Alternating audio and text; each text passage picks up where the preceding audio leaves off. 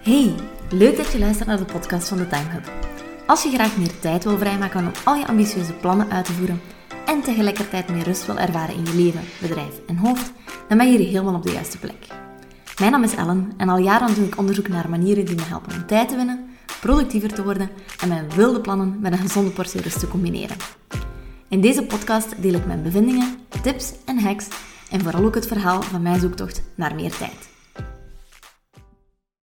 Hallo, hallo en welkom bij alweer een nieuwe aflevering van de Time podcast. Vandaag wil ik het graag even over motivatie gaan hebben. Uh, want ik geef je natuurlijk heel veel tips in deze podcast om productief aan de slag te gaan.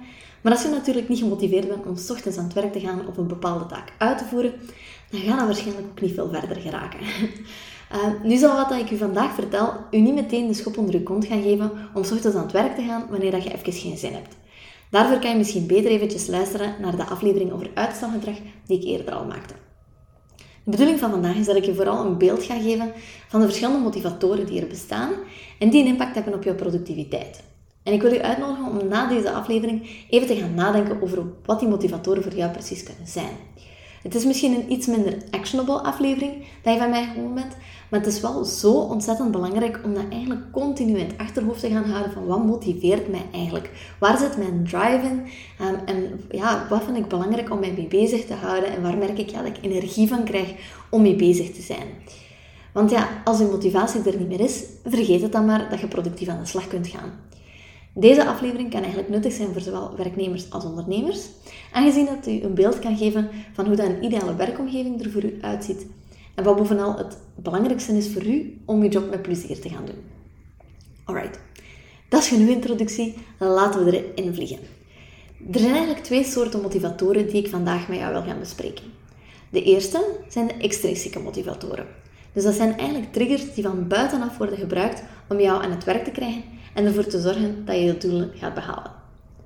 Daarnaast zijn er ook bepaalde interne of intrinsieke motivatoren.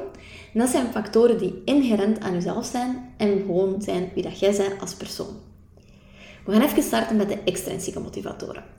Deze motivatoren gaan meestal of het vaakste tegenkomen in een professionele context tussen werkgevers en werknemers. De eerste extrinsieke motivator uh, dat je misschien wel zal herkennen als je ooit voor een werkgever gewerkt hebt, dat zijn incentives. Dat zijn de wortels die werknemers vaak voorgehouden worden om hen eigenlijk in gang te zetten en uit te nodigen een bepaald doel te gaan bereiken. Meestal ga je die tegenkomen in de vorm van bonussen wanneer er bepaalde KPI's behaald worden, loonsverhogingen, extra verlofdagen, noem maar op. Ik denk dat dat aan zich vrij herkenbaar is en dat je dat ooit wel eens ofwel hebt meegemaakt dat zo'n soort van um, bonus werd toegekend of dat je dat al bij andere mensen hebt zien passeren. De tweede externe motivator is eigenlijk erkenning. Voor velen onder ons kan het best wel fijn zijn als het publiek eventjes wordt herkend waarmee we bezig zijn en welke resultaten dat we bereikt hebben. Dat is ook een van de redenen waarom dat bedrijven heel vaak werken met bijvoorbeeld systemen zoals een Employee of the Month of een Wall of Fame of een shout-out op het interne communicatieplatform. En dat kan wel een leuk gevoel zijn om zo eens even in de bloemen gezet te worden. Dus als dat voor u fijn is, kan dat zijn dat dat een bepaalde motivator is om een keer even een extra effort te doen um, om bijvoorbeeld Employee of the Month te worden. De laatste externe factor is accountability kans is vrij groot dat dat een factor is dat je wel herkent en dat je eigenlijk gemotiveerd wordt om een bepaalde taak uit te voeren, omdat je weet dat iemand op je aan het rekenen is of op je aan het wachten is. Het is geen systeem dat van nature uit op de werkvloer veel wordt toegepast, maar je zou dat als werknemer wel perfect kunnen instellen door bijvoorbeeld een collega te zoeken waarmee je aan het einde van de week je takenlijstje kan overlopen.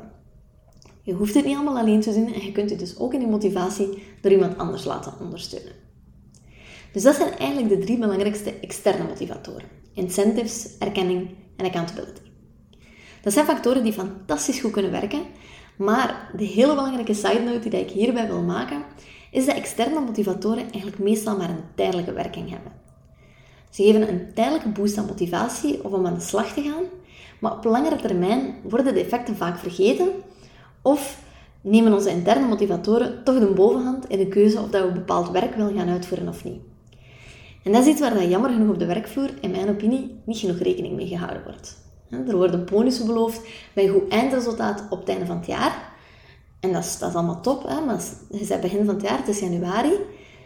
En er wordt een bonus beloofd voor uh, einde van het jaar, eind december. Let's be honest, als werknemer, hoe vaak start je dan ochtends aan je werkdag en denk je, amai, ik moet vandaag nu echt eens goed werken, zodat ik op het einde van het jaar zeker een bonus heb. Ik vermoed bitter weinig. Dat gaat af en toe misschien wel eens opkomen, of als dat eens herhaald wordt of zo, dan geeft dat weer even een tijdelijke boost aan motivatie. Maar over het algemeen zakt dat weer een beetje naar de achtergrond weg. Employee of the month zijn kan ook leuk zijn, maar eens dat je dat doel voor jezelf gehaald hebt, is de kans eigenlijk groot dat je vervolgens in de volgende maand terug je gewone gangetje gaat. Het feit dat deze extrinsieke motivatoren een tijdelijke boost geven, hoeft echter geen reden te zijn om ze niet in te zetten. Het moet gewoon verstandig en op het juiste moment gebeuren. Dus daarom dacht ik dat het misschien fijn kon zijn als ik wat voorbeelden geef van hoe dat je die motivatoren in je privéleven of zelfs als ondernemer kunt gaan toepassen. Bijvoorbeeld, um, incentives kan je als ondernemer gebruiken door omzetdoelen voor je business te zetten en er voor jezelf een bepaalde vakantie aan uh, te koppelen. Stel dat je drie niveaus hebt, je hebt een oké omzetdoel, je hebt een topsucces van een omzetdoel en je hebt een overweldigend succes van een omzetdoel. En wanneer je je oké omzetdoel behaalt, um, mocht je een vakantie aan de Belgische kust boeken. Een topsucces betekent een all-in vakantie. En een overweldigend succes betekent, ik leg de business een maand plat en ik ga op wereldreis. Ik verzin maar iets, hè. Maar ik kan wel helpen. Wanneer je in je privéleven bijvoorbeeld een nieuwe gewoonte zou willen trainen, dan zou je tegelijkertijd een, een wishlist kunnen bijhouden. Voor elke maand dat je aan een gewoonte houdt, mocht je van jezelf iets van je wishlist kopen. Nu, erkenning kan iets moeilijker zijn op persoonlijk vlak, om, uh, of als ondernemer, om eigenlijk iets voor te gaan instellen. Um, maar ook hier kan het misschien wel fijn zijn om op zoek te gaan naar een partner die dat je persoonlijke cheerleader kan zijn. Waarbij dat je zonder schaamte even kunt gaan stoeven over een bepaald doel dat je bereikt hebt en die dat je vervolgens overlaat met complimentjes, die je echt kan bevestigen dat je goed bezig bent. Want ja, let's be honest, iedereen moet dat toch af en toe een keer horen, niet? Kijk, goed bezig, uh, you rock, keep going en vooral voort. De laatste motivator is accountability, um, de externe. En dat gebruik je mogelijk ook al. Um, als ondernemer kan het bijvoorbeeld ook weer handig zijn om met een accountability partner te gaan werken. Iemand waarbij je in het begin van de week zegt, oké, dit is mijn takenlijstje, dit zijn mijn drie doelen die ik deze week wil behaald hebben.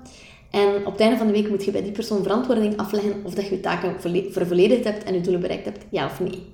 Het feit dat iemand anders dat voor u een beetje mee in de gaten houdt, kan ook wel echt helpen. Dat is iets wat ik bijvoorbeeld met klanten uit mijn coachingstraject ook probeer te doen. Uh, is dat ik bij hen check wanneer gaat je deze week aan het traject werken. En ik op het einde van de week of na dat momentje dat ik toch even incheck en zeg: Koekoe, heb je dit gedaan of niet? En voor veel mensen helpt dat wel. Voor sommigen zeggen die accountability dat kan mij niks schelen. Maar voor anderen, het, het feit dat ze weten dat ik meekijk, helpt wel om effectief ermee aan de slag te gaan. Als individu is een klassiek voorbeeld van accountability bijvoorbeeld het inschakelen van een partner om mee te gaan lopen, zodat deze zelfs aan je deur staat wanneer je eigenlijk geen zin hebt. Of nog simpeler, ehm, bijvoorbeeld een ticket voor een dure sportles op voorhand kopen. Uh, vergelijk maar eens met jezelf. Misschien heb je een fitnessabonnement. Um, of, of je iedere keer, ja, gaat je naar een goedkope sportles en betaalt je gewoon achteraf je ticket. Um, en heb je dan de neiging om het meer wel dan niet te skippen. Eigenlijk kan het soms zo een verstandig idee zijn om eigenlijk voor een duurder ticket te gaan, voor echt een dure les te gaan. Zodat het een beetje pijn doet dat je dat ticket gekocht hebt, um, de moment dat je het koopt, maar dat ook vooral heel veel pijn doet als je dan eigenlijk niet gaat. Uh, dus uh, dat is eigenlijk hoe dat je ook accountability voor jezelf kunt gaan creëren. En zo kun je misschien nog een paar voorbeelden vinden. Dus dat waren eigenlijk de eerste soort motivatoren. Hè? De externe prikkels in de vorm van incentives, erkenning en accountability. Zoals gezegd is er echter nog een tweede soort. En dat zijn de intrinsieke motivatoren. Een intrinsieke motivatie komt, zoals het de naam zelf zegt, vanuit onszelf. Het is een drive die dat we zelf voelen om door te gaan en zo aan de slag te gaan. En zoals dat je je waarschijnlijk wel kunt voorstellen, is die drive vaak veel krachtiger dan een drive die veroorzaakt wordt door externe factoren. Ook weer hier heb je verschillende opties. In de theorie bestaan er nog vele andere, maar ik heb er eventjes een aantal uitgenomen die voor mij het meest logisch lijken. En de allereerste factor daarin is autonomie. Autonomie gaat eigenlijk vooral om het hebben van de kans en de mogelijkheid om je eigen werk in te richten. Om zelf van dag tot dag te beslissen waar dat je gaat werken, om keuzes te maken over de richting die dat je met bepaalde projecten uitgaat en om je eigen agenda in te richten. Als ondernemer kan het zijn dat dat je motiveert, maar soms ook afschrikt, Dus dat is een belangrijke voor u om in het achterhoofd te houden. Als je merkt als werknemer dat dat voor u erg belangrijk is, maar dat je in een omgeving werkt waarin dat dan nauwelijks aan de orde komt, of in tegendeel zelfs dat je gemicromanaged wordt, dan kan het misschien een reden zijn om hier eens extra over te gaan nadenken. Het kan zijn dat dat voor jou dat misschien niet de juiste plaats is om te werken wanneer dat je autonomie erg hoog in het vaandel draagt. Want misschien zit je constant, of zit je niet gelukkig op het werk en zit je eigenlijk constant aan het zoeken, ja, waaraan ligt dat? Misschien ligt de werkdruk te hoog, collega's zijn misschien niet zo fijn, of um, dat je eigenlijk constant op zoek bent naar de redenen waarom dat je werkplek energie van u aan het vergen is in plaats van aan het geven is. En kan het eigenlijk gewoon zijn dat autonomie voor u een superbelangrijke factor is en dat je dat eigenlijk gewoon niet voldoende krijgt op de werkplek waarop dat je zit. En het moeilijke is dan vaak, ja, dat de kant vrij klein is, dat je dat in 1, 2, 3 gaat kunnen veranderen. Je kunt dat natuurlijk wel altijd bespreken en daar raad ik ook 100% aan. Uh, maar net daarom zijn die motivatoren zo belangrijk om, om te beseffen, uh, omdat we heel vaak vergeten dat dat uit een diepere laag komt um, dan, ja, dan, dan, dan we zelf beseffen. En dat dat eigenlijk hetgeen is wat aan onze motivatie aan het verreten is. Een tweede intrinsieke motivator is mastery. Um, mastery dat heeft eigenlijk te maken met het feit dat je ontzettend gemotiveerd wordt door het idee dat je ergens heel goed in kunt worden. Dat je kunt groeien en dat je een vaardigheid kunt trainen. Nu, over het algemeen wil iedereen wel ergens goed in zijn en blijven, maar voor sommigen is dat net nog een extra motiverende factor dan voor een ander. Deze persoon wil echt graag een expert in een veld worden en zoveel mogelijk kennis verzamelen. En dat is echt wat hen elke dag drijft om vooruit te gaan. Bijvoorbeeld toen ik nog in IT werkte, dan wist ik dat er echt jonge mannen waren die zeiden van kijk, ik hoef niet per se carrière te maken. Ik hoef echt niet per se om die carrière te gaan, manager te worden, teamleader te worden. Dat interesseert mij eigenlijk niet zo bijster veel. Wat ik vooral wil, is in dit ene domein van IT echt gewoon gigantisch veel bijleren. Dat interesseert mij zo hard. En ik wil daar gewoon echt een expert in worden. Dat was voor hen een heel belangrijke intrinsieke motivator. Dus dan was het ook heel belangrijk in mijn job dat wij die persoon gingen plaatsen op een plek waar dat er voldoende ruimte was om op dat vlak te gaan groeien. Waar dat er voldoende ruimte was om eigenlijk zelf aan projecten te gaan werken of dingen te gaan testen op vlak van, van dat ene domein. De derde intrinsieke motivator gaat over purpose. Ehm, er zijn ontzettend veel mensen in de wereld die dag in dag uit, ik weet niet hoe hard werken en die dat toch eigenlijk geen dag het gevoel hebben alsof dat ze uitgeput zijn. Hoe komt dat dan? Meestal is dat omdat mensen zijn die ontzettend hard gedreven worden door het gevoel een bepaalde purpose te hebben. Mensen die het gevoel hebben dat wat ze doen echt een verschil maakt in de wereld. Of dat nu tastbaar is of niet. Deze mensen weten dat ze impact aan het maken zijn of uh, willen dat gewoon ontzettend graag doen en genieten daardoor met volle teugen van hun job. Ze weten dat dag in dag uit, ik heb deze persoon geholpen, of wat ik hier nu vandaag gedaan heb, dat gaat eh, een verschil maken op lange termijn voor het milieu, of voor de wereld, of voor eender wie. Hoe klein of hoe groot dat, dat ook kan zijn. Ze weten van, kijk, het, hetgeen wat ik hier doe, dat heeft een doel. Dat heeft echt een bepaald resultaat en ik sta achter dat resultaat en ik ben daar trots op. Dus die worden daar ontzettend hard door gedreven. Laatste intrinsieke motivator is vervolgens passie. Passie kan gelinkt zijn aan purpose, maar dat hoeft niet per se. Het kan ook gewoon zijn dat wat dat je doet dag in dag uit, dat je dat gewoon zo leuk vindt, ja, dat dat voor u voldoende motivatie is. Dat je eigenlijk elke dag met plezier je bed uitkomt om je werk te gaan doen en dat je werken eigenlijk amper als werken ziet, maar eerder als een hobby. Dat kan ik mij bijvoorbeeld voorstellen dat dat bij mensen met een creatief beroep, dat bijvoorbeeld die passie er ook ontzettend hard in zit. Um, dus dat kan ook mastery zijn, dat kan ook autonomie zijn, het kan van alles en nog wat zijn. Maar bijvoorbeeld dat je daar echt zegt van kijk, ik vind dat gewoon zo leuk, ik ben geld aan het verdienen door gewoon elke dag dingen te kunnen creëren. En ik kan niet geloven dat ik hiervoor betaald word. Um, dat is bijvoorbeeld een zin wat dat je mensen die passie als motivator hebben, gaat horen zeggen. Dus neem dat ook weg, neem die passie ook weg. En je gaat ze met geen stokken gemotiveerd krijgen om een ander soort van job te doen. Nu, ik weet niet hoe dat bij u zit, maar persoonlijk word ik sowieso al helemaal warm van binnen als ik aan al deze vier motivatoren uh, in het geheel denk. Hè. Autonomie, mastery, purpose, passion. Het zijn allemaal motivatoren die ik persoonlijk ook heel erg sterk voel sinds ik onderneem. En die dat mij elke dag drijven en mij vertellen dat ik op de juiste plek zit. En ik kan voor elk van deze motivatoren wel een voorbeeld vinden. Hè. Autonomie, ik weet dat ik het gewoon fantastisch vind om zelf mijn eigen agenda te kunnen bepalen. Dus dat dat, dat mij al motiveert om aan de slag te gaan. Mastery, ja, superleuk. Time management, kan ik ontzettend veel over leren. Ehm, en er is altijd wel iets waarin ik kan bijleren in mijn job en waarin ik heel goed kan worden. Purpose vind ik fantastisch. Ik heb echt het gevoel alsof dat wat ik aan het doen ben en, en aan de berichtjes die ik soms binnenkrijg, eh, merk ik dat ook, dat ik een verschil aan het maken ben. Dat ik echt impact aan het maken ben in het leven van verschillende mensen. En dat is, dat is een ongelooflijk prachtig gevoel. Uh, dat ik echt heel graag heel lang wil vasthouden. Um, en passie, ja.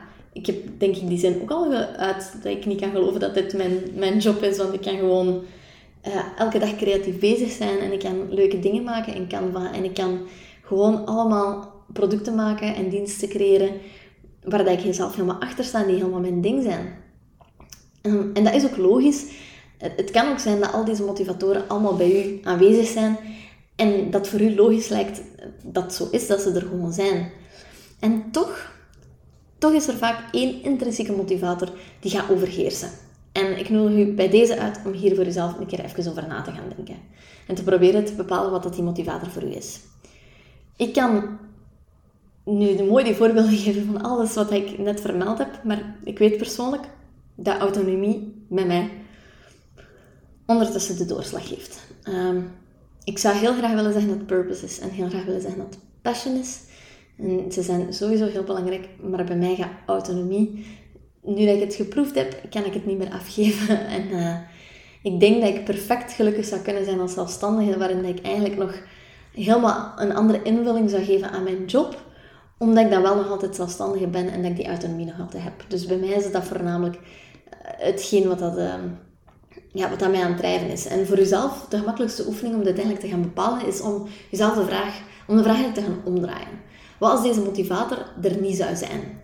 Wat zou dat van impact hebben op je als persoon, als ondernemer, als werknemer, op je jobtevredenheid en het plezier waarmee dat je job doet? En eens dat je die factor gevonden hebt, hoe kun je dan misschien op zoek gaan naar meer? Hoe kun je deze factor nog meer gaan ervaren in wat dat je nu doet? Hoe kan je dit gaan versterken? Als je hier naar leert kijken en erin slaagt om die factor voor jezelf misschien slechts 5% te verhogen, kan dat al een ongelooflijke impact hebben op je goesting om te gaan werken en dus ook je productiviteit. En zorg er dus dan ook voor dat je regelmatig bij stilstaat en jezelf weer aan herinnert. Want ook opnieuw, zeker als je werknemer bent en je hebt regelmatig eh, contacten met je baas ehm, en je voelt je misschien even minder goed op het werk, grijp dan hier even naar terug en bekijk eens of dat op, elk, op elke motivator voor u, of dat je eigenlijk nog op een niveau zit waarop dat je zou willen zitten. Ehm, of dat je nog op de juiste manier gemotiveerd wordt op de job dat je op dit moment aan het doen bent. Dus dat is de belangrijkste opdracht die ik jou met deze podcastaflevering wil gaan meegeven. Denk eventjes na over de vier intrinsieke motivatoren, namelijk autonomie, mastery, purpose en passion. En bepaal voor jezelf de welke de grootste impact heeft op uw plezier in het werk en wat dat u voornamelijk elke dag in gang trekt. Bedenk toen dat je dit mogelijk meer in de picture kunt gaan zetten of hier meer kan uithalen dan dat je tot nu toe. Bekijk vervolgens ook nog even terug opnieuw die extrinsieke motivatoren en bedenk eens wat dat voor je het beste kan werken. Als je een bepaald doel hebt dat je nu op korte termijn wilt gaan bereiken, wat zou je echt kunnen helpen om dat doel te gaan bereiken? Ehm, is dat incentives? Is dat erkenning op een bepaalde manier of accountability? Kies er eentje uit en ga ermee aan de slag. Test dat vooral even uit en zie wat dat voor je kan werken.